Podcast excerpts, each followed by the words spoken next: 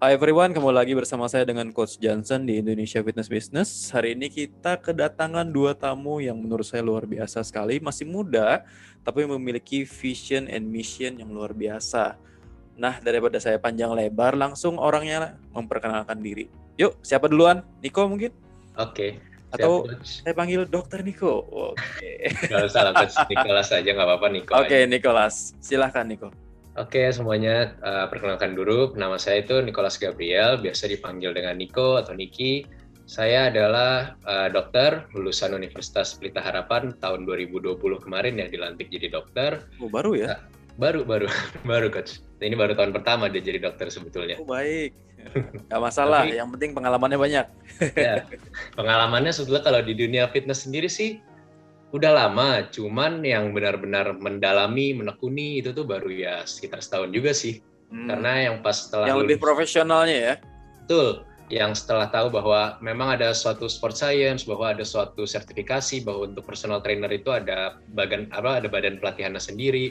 Itu baru sekitar setahun yang lalu sebetulnya setelah. Oh, uh, menarik nggak? Wah sangat menarik sih coach. Menarik ya, Niko. Menarik banget. Saking menariknya makanya sekarang sampai lebih mendalami terus gitu. Setiap hari, setiap ada kesempatan pasti belajar tentang sport science ya kedokterannya nice, juga kita dipelajarin nice. terus sih. Nice. Kalau saya sendiri spending my time, misalnya lagi ada free time, saya baca juga. Saya beli buku. Pokoknya saya udah, waduh. Jadi impulsif buying itu beli buku, ebook, ebook, ebook, ebook itu udah every week pasti ada buku sampai saya, ini isinya apa sih? Gak semua yang berkualitas ini sih sampah banget itu ada juga yang kayak gitu. iya iya iya. Kadang-kadang justru kayak ini kenapa bukunya isinya iya. personal opinion gitu kan ya Betul. Makanya tapi saya ya selalu ada yang kita pelajari dari apa pun buku yang kita baca walaupun isinya crappy lah kasarnya saya jujur-jujuran aja deh. Oke, yang satunya lagi dong, perkenalkan diri. Oke, selamat pagi semuanya. Uh, gua pakai gua aja nggak apa-apa ya. Silahkan. Gua William, ya boleh dipanggil William, Willy. Nama panjangnya siapa? William soalnya nama seribu umat ini. ah, Will aja kok gitu. Oke, Will apa lagi? William apa ah, nih? Gak apa-apa. Chinese name aja, Chinese name aku. Ping. Oh, Ping. Oke, boleh. boleh. Dokter ah, ya. Will, eh, silahkan perkenalkan.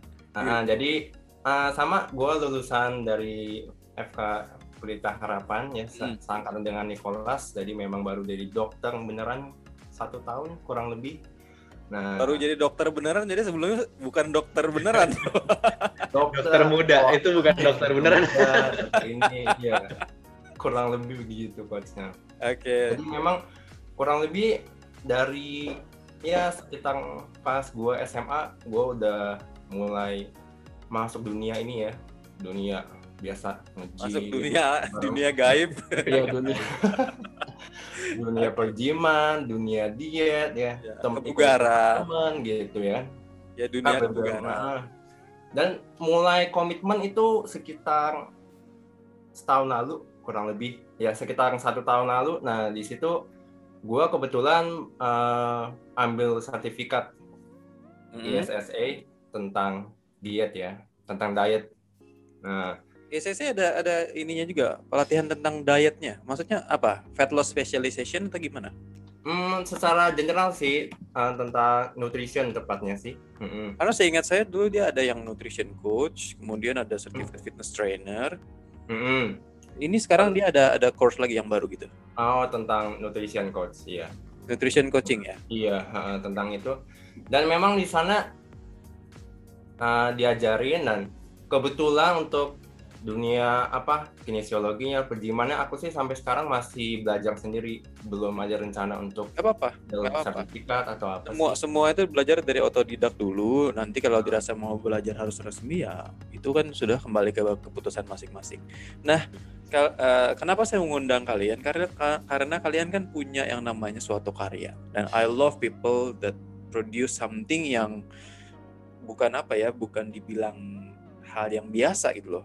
Untuk berani menciptakan sesuatu aja itu udah luar biasa buat saya gitu loh. Makanya uh, saya tertarik nih menginterview kalian yang namanya sehatisasi, kemudian apa sih sebenarnya sehatisasi itu kalau kalian boleh sedikit menjelaskan tentang proyek kalian ini. Hmm. Mau Willy dulu atau mau gue dulu? Bebas, bebas. Niko dulu. Gua dulu kali ya. Oke, silakan. Jadi mungkin lebih enak cerita dari asal mulanya kali ya. Terbentuknya kok bisa sih tercipta yang namanya sehatisasi itu. Jadi kan memang nih sudah mulai serius di dalam dunia uh, health and wellness ya, bisa dibilang ya baik itu dunia dunia diet, dunia exercise dan lain-lain. Nah, kepikiran kenapa nggak gua buat suatu platform ya di mana bisa orang-orang itu ngelihat oh ternyata yang bener tuh kayak gini. Oh yang kayak gini salah loh selama ini dan dan lain-lain. Nah tapi bisa dicerna masyarakat awam di- bisa dicerna masyarakat luas. Apalagi kan kita dengan saya pribadi kan dengan dunia kedokteran udah ada ilmu kedokteran jadi bisa lebih bisa explore penjelasannya bisa lebih terpercaya sumbernya. Kayak gitu sih. Mhm. dan kebetulan ada partner nih Niko ya Nicholas teman saya ini yang sepikiran akhirnya kita dia duluan yang approach saya oh, kenapa nggak kita bikin IG atau mungkin di tempat lain tentang sehatisasi I see. Kalau dari Nico sendiri coba. Nah iya, thank you coach. Ini kalau untuk sehatisasi sendiri itu bahkan namanya tuh pertama kita nggak kepikiran sih sehatisasi atau gimana gitu. Kita Namanya awal sih nama lucu, grupnya itu iya nama grup kita tuh cuman apa ya mencoba sehat ya nama grup kita grup di lainnya itu mencoba sehat itu cari nama nggak gampang loh itu Oh iya, nama tuh iya, iya. You itu. tell me. Iya. Kan saya sudah saya ada fitness embassy, saya ada Waduh, banyak banget deh yang saya sudah aduh ini namanya apa, logonya apa gitu ya kan. Benar banget coach. Itu yang pertama tuh kita ngomongin bukan ngomongin konten itu, kita ngomongin cuman nama sama logo kita gimana gitu kan. Apalagi kalian nanti punya anak. Aduh, Aduh, aduh, nama itu- anak Nah, tenang itu ada 9 bulan buat mikirin waktu. dan ada istri juga ya. ada istri juga dua dua pikiran. Oke, baik. Nah, Oke. kalau kalian sendiri kontennya terinspirasi akan apa? Apakah karena keresahan masyarakat kah atau yang menurut kalian keresahan kalian sendiri atau bagaimana? Nah, itu kalau ini sebetulnya dari pengalaman pribadi coach.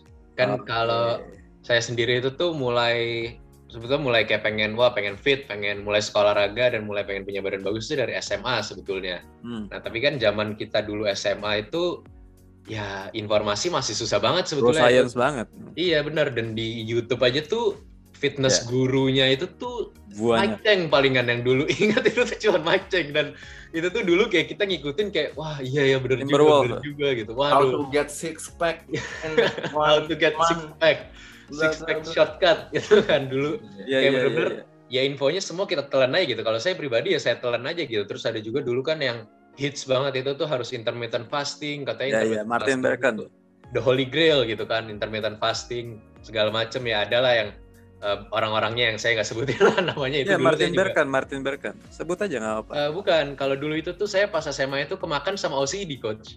Oh, alah, Mas Dedi. Dulu tuh benar-benar saya dewa-dewain banget itu kan. Iya, iya, iya. Nggak apa- nggak apa-apa, nggak apa. You Iya, learn from mistakes kan. iya. Sebenarnya bukannya salah ya, saya nggak bilang salah. Uh, intermittent Ya, fasting it itu juga.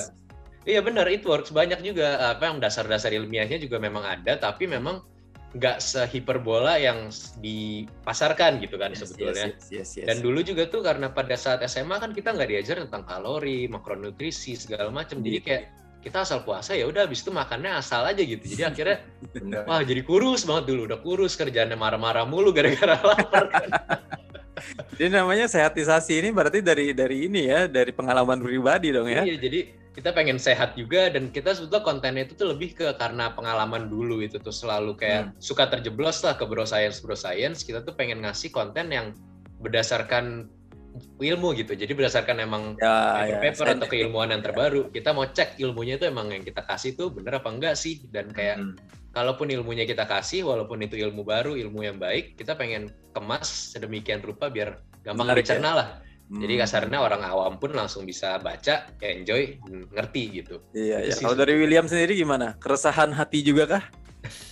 bener banget keresahan hati kayak apa greget banget sebenarnya buat meluruskan fakta-fakta yang di luar sana kan banyak banget tuh apa mitos-mitos nasi nggak boleh sama sekali nah itu salah satunya aku korbannya coach jadi apa dulu itu nggak makan nasi aneh loh aku tuh kuat enam bulan ya enam iya. bulan iya. nggak makan nasi kerjanya makan ayam dada rebus doang, Oh, ayam besok lagi ayam dada rebus, besok lagi aja. Iya iya eating. Intinya itu sebuah penyiksaan jangka panjang. Nah, udah tuh dari sana ya mulai ada apa pertobatan dan akhirnya Oh, terbebani buat kayak bandel aja kamu. iya iya bertobat dari jalan yang kurang benar. Jadi Tapi gini loh, lah. heeh. dulu I used to be like you guys. Maksudnya saya blaming everything yang sudah uh, hellish situation yang pernah saya lewatin. Tapi kembali lagi sih,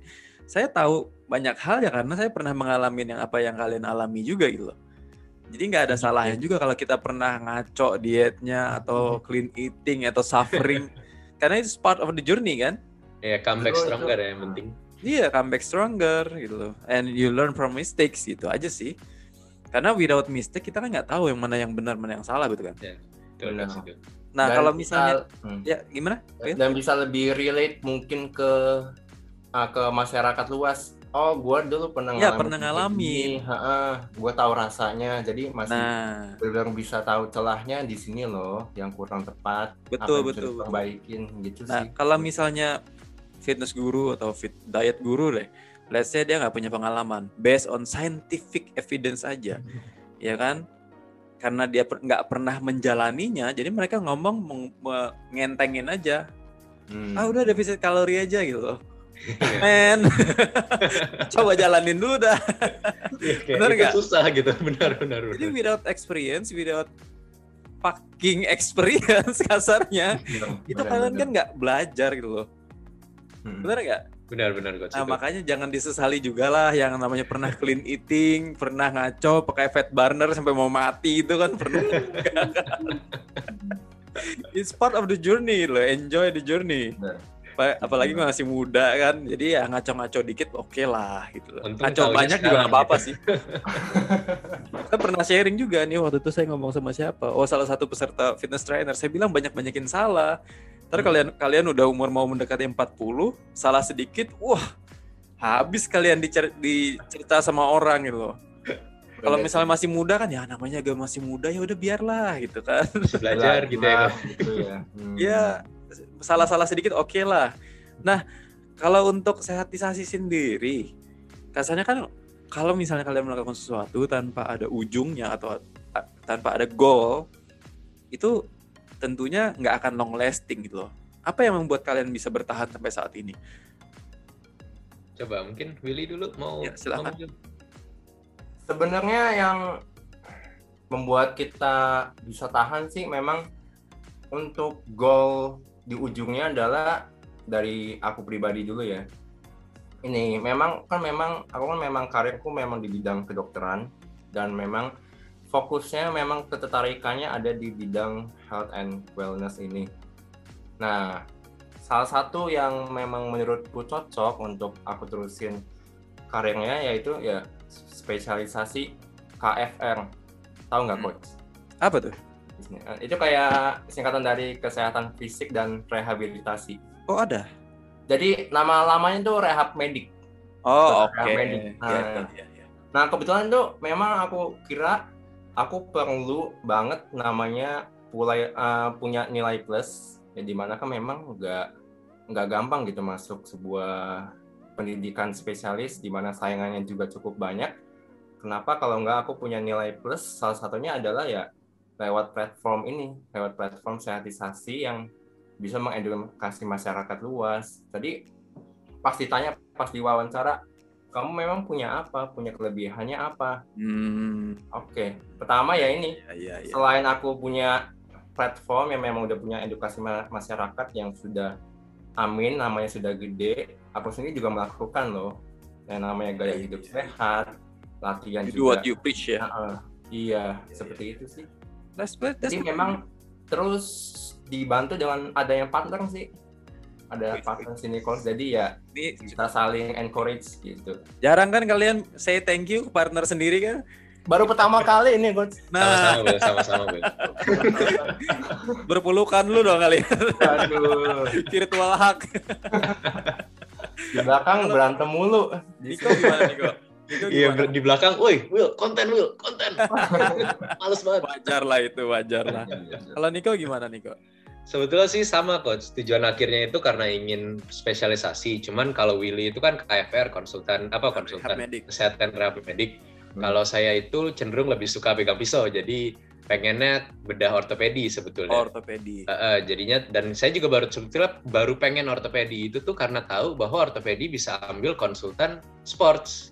Sebelumnya oh. tuh nggak nggak mau ortopedi. Sebelumnya dulu pengennya nyantai-nyantai mungkin bukan nyantai sih tapi uh, mungkin dulu tuh jadi jantung sempat pernah mau sempat pernah mau jadi ya, anestesi tapi akhir-akhirnya setelah tahu dan berkecimpung jadi kayak wah kenapa nggak mengejar sesuatu yang memang ilmunya tuh sehari-hari selalu saya lakukan dan emang seneng gitu kan iya, iya, iya, jadi iya, iya. tujuannya jadi ya tujuan akhirnya lah ya amin amin itu tuh jadi amin. SPOT ortopedi konsultan sports dengan ya mungkin S3 di Kenapa ngambil SPKO gitu? Makanya kesehatan olahraga gitu enggak?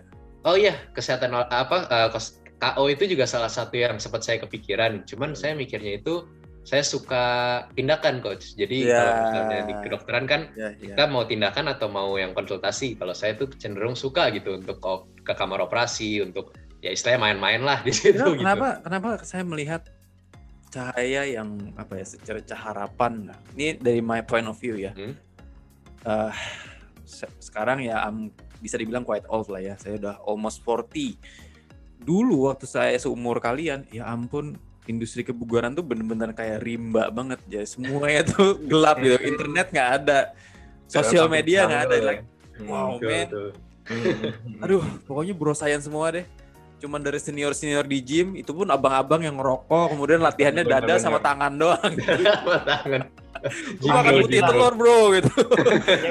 Harus cut garam. Harus oh, man tapi setelah saya melihat kalian dokter tertarik di kebugaran tuh kayak wah man there's so hmm. much improvement di di industri kebugaran gitu loh makanya orang-orang seperti kalian tuh benar-benar kepengen saya jaga gitu loh di industri kebugaran so, soalnya kenapa supaya kalian bisa lihat bahwa industri kebugaran tuh huge untapped market gitu loh hmm. Apalagi untuk kalian yang rehab medik, kemudian ortopedi, nah dibutuhkan. Saya selalu ngomong sama anak-anak fisio, you know semakin berkembangnya industri kebugaran tingkat cedera juga ngikutin nih gitu loh. Jadi kalian akan selalu ada klien sih bilang iya itu betul itu. Jahat sih cuman ya betul itu kan betul. sama sama kayak ini lah saya selalu ngomong kayak tupai melompat pasti jatuh juga gitu pasti jatuh juga sebagus bagusnya form kamu pasti cedera. Percaya nggak dan apalagi kalau di highest level itu kan mereka sangat memaksakan kan. Pasti. Pasti cedera itu. Kompetitif ya, Olympic lifting. You hmm. name it nih loh. Semuanya yang highest nah, level. Pasti sudah itu. sudah di triple digit itu chance untuk cederanya udah gede banget. Bener nggak? Jadi kalian banyak klien nih nanti. Amin. Waduh. Waduh. Waduh, waduh. Nggak, nggak aminin buat orang cedera namanya. sebetulnya jelek juga nih. Enggak lah, enggak, enggak, enggak. Karena nih. memang selalu ada resiko dari olahraga gitu. Kita nggak pungkirin gitu. Nah, ya, so bagus-bagusnya form kamu, shit happen. Ya. Hmm itu udah pasti terjadi loh. Ini explicit konten kok.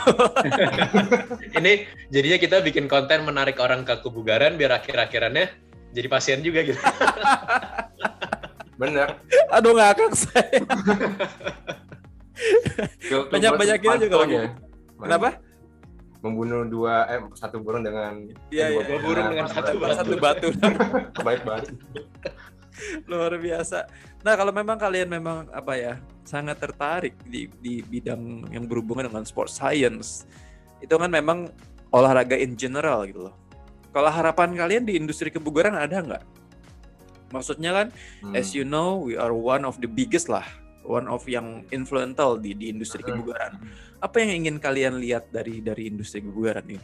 Maksudnya secara standar, secara kualitas atau whatever yang kalian harapkan? Sebetulnya sih yang paling utama itu ya coach ya paling ya uh, tujuan yang uh, first stepnya dulu lah itu tuh kalau bisa uh, first stepnya itu kalau bisa sih lebih ke menghilangkan mitos-mitos, terutama mitos-mitos yang terlalu absurd gitu.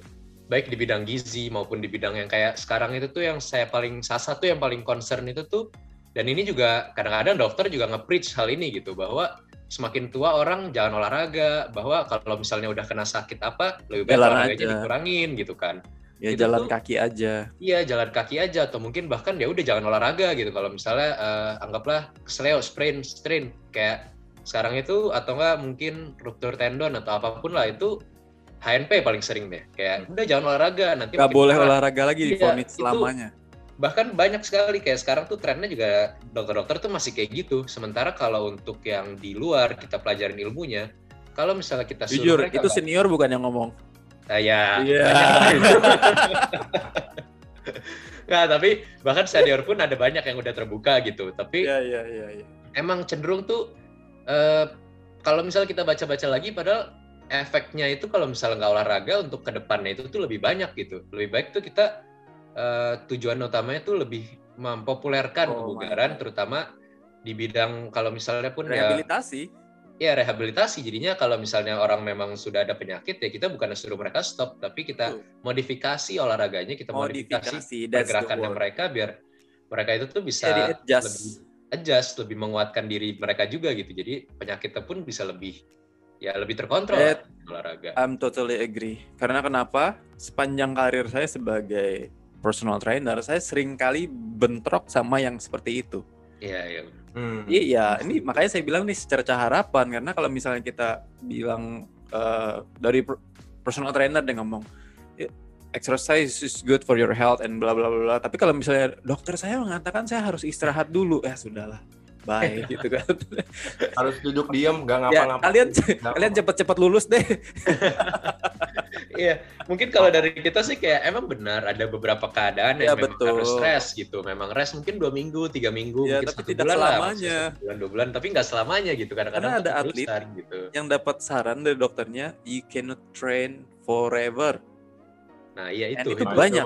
sering itu. Ya itu sering banget ya memang coach. Hmm, Kalau William Itu sendiri gimana? gimana, Will? concernku itu memang uh, one of the concern tadinya seperti Nico udah jelasin. Dan concern lainnya adalah mungkin ya dari point of view aku ya masih banyak mungkin personal trainer, coach yang mensamaratakan semua individu. Banyak. arti, uh-uh, indiv- uh, semua satu diet dipakai Ya, buat one training Nah, program or one diet fits all. one best diet, one best training program gitu. Padahal kan setiap individu kan sangat berbeda.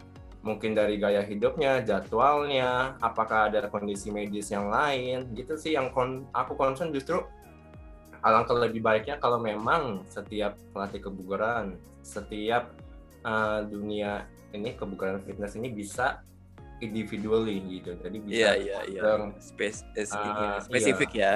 spesifik kayak gitu. Kalau dari dari kita sih I can guarantee kalau misalnya yang lulusan kita ya, mereka sudah tahu yang namanya specificity, progressive overload, regression progression. That I have no worries gitu. loh. Tapi memang jangkauan kita kan kecil sekali loh. Yeah. Let- Let's, let's say sekarang fitness trainer yang certified dari kita aja, aja cuma 400-an. Sedangkan Indonesia Hmm. 270 juta jiwa. Apa? 400 orang tuh udah kayak. Segelintir banget ya. Sampai kapan gitu. ya. Nah makanya kenapa saya senang ada kalian itu adalah membantu gitu, loh, membantu untuk eh, ya dua-duanya ada ada yang harus diperbaiki dari industri kebugaran sendiri banyak bro science ya kan Hmm. dan juga dari kedokteran sendiri ada juga yang masih old school gitu loh Terlalu konservatif itu.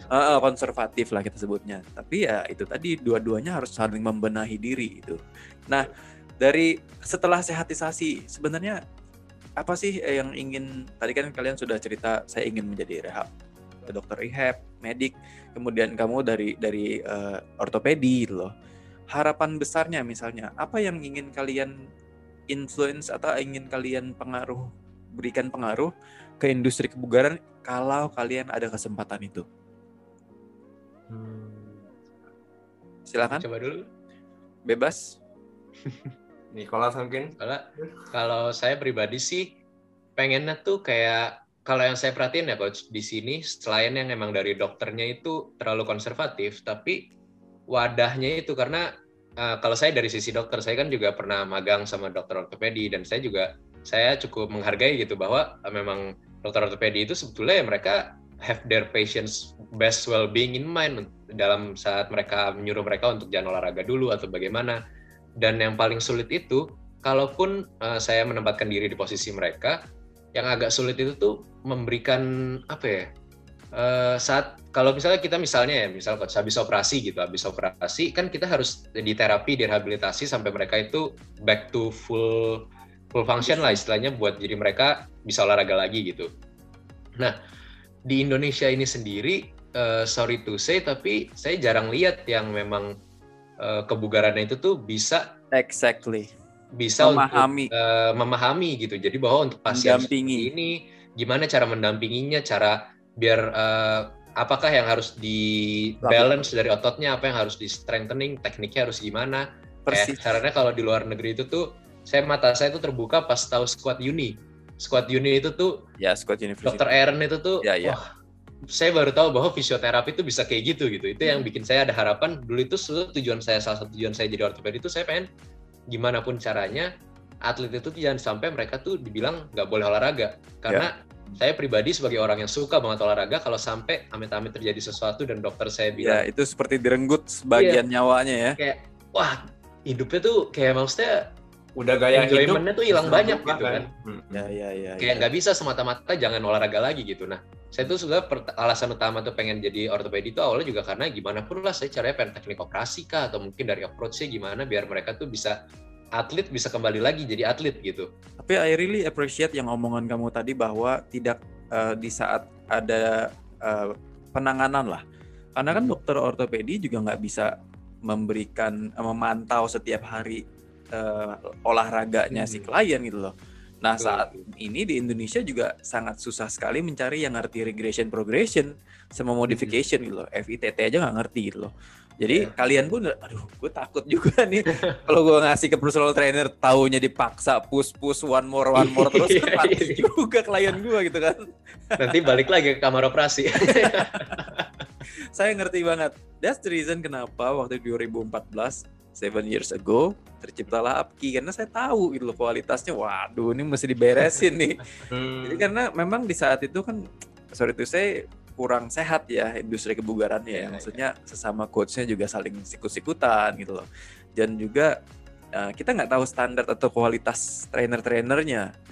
Makanya kalau sudah masuk ke ranah medis itu susahnya luar biasa karena tidak dibekali Sedangkan di di di APGI sendiri kan banyak banget SPKO uh, eh, sport doctor yang involve di pelatihan-pelatihan kita gitu loh.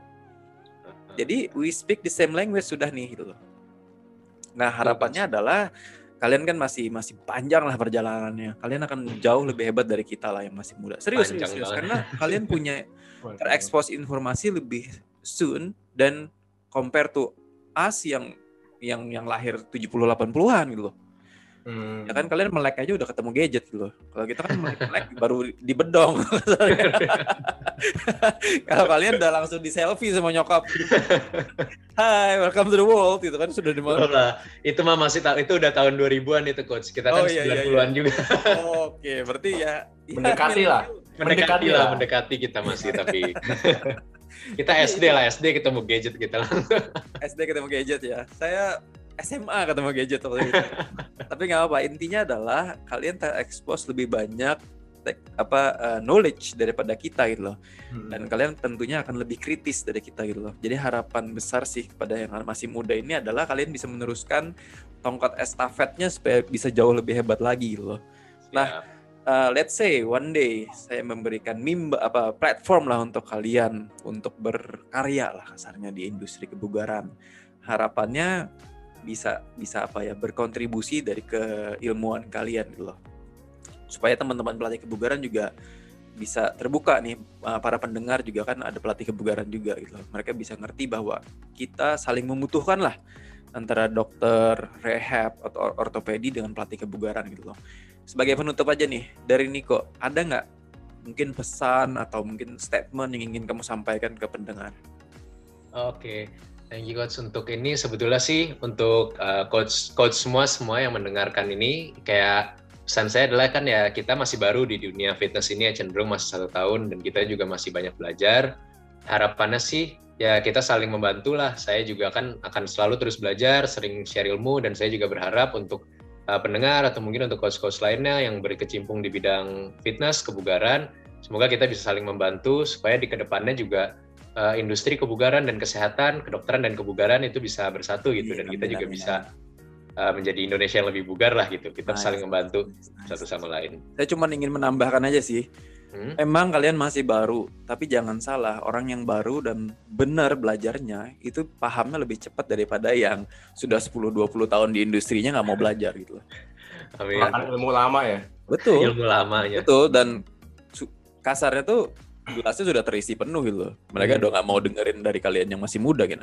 I would love to hear from you guys tentang tentang your thoughts tentang exercise ya walaupun kasarnya saya sudah membaca seabrek-abrek tetap aja saya bisa atau mau mendengarkan masukan dari kalian gitu karena Siap. it's not about how long ya tapi tapi how much yang kamu pelajari dari yang kamu informasi kan ya kan hmm. understanding sama knowing kan beda Betul. you might know something but you might not understand it gitu betul kan nah kalau dari William sendiri Sepertinya sudah diwakilkan ya.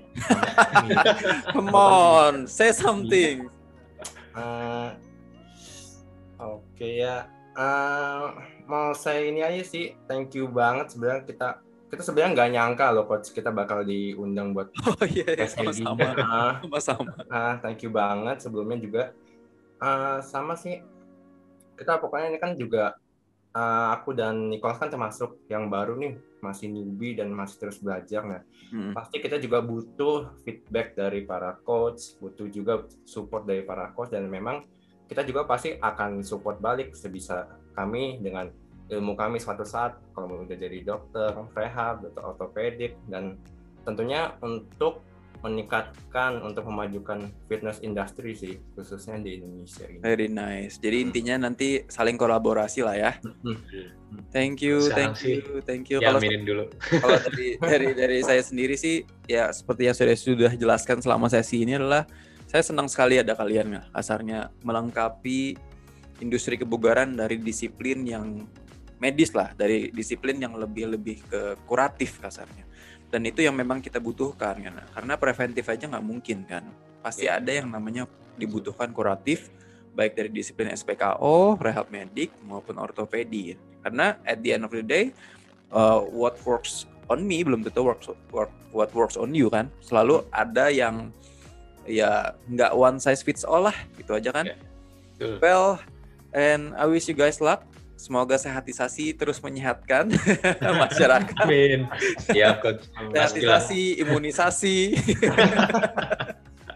itu dua-duanya menyehatkan kok. Dua-duanya menyehatkan dan dua-duanya itu lebih ke preventifnya juga dulu. Asik.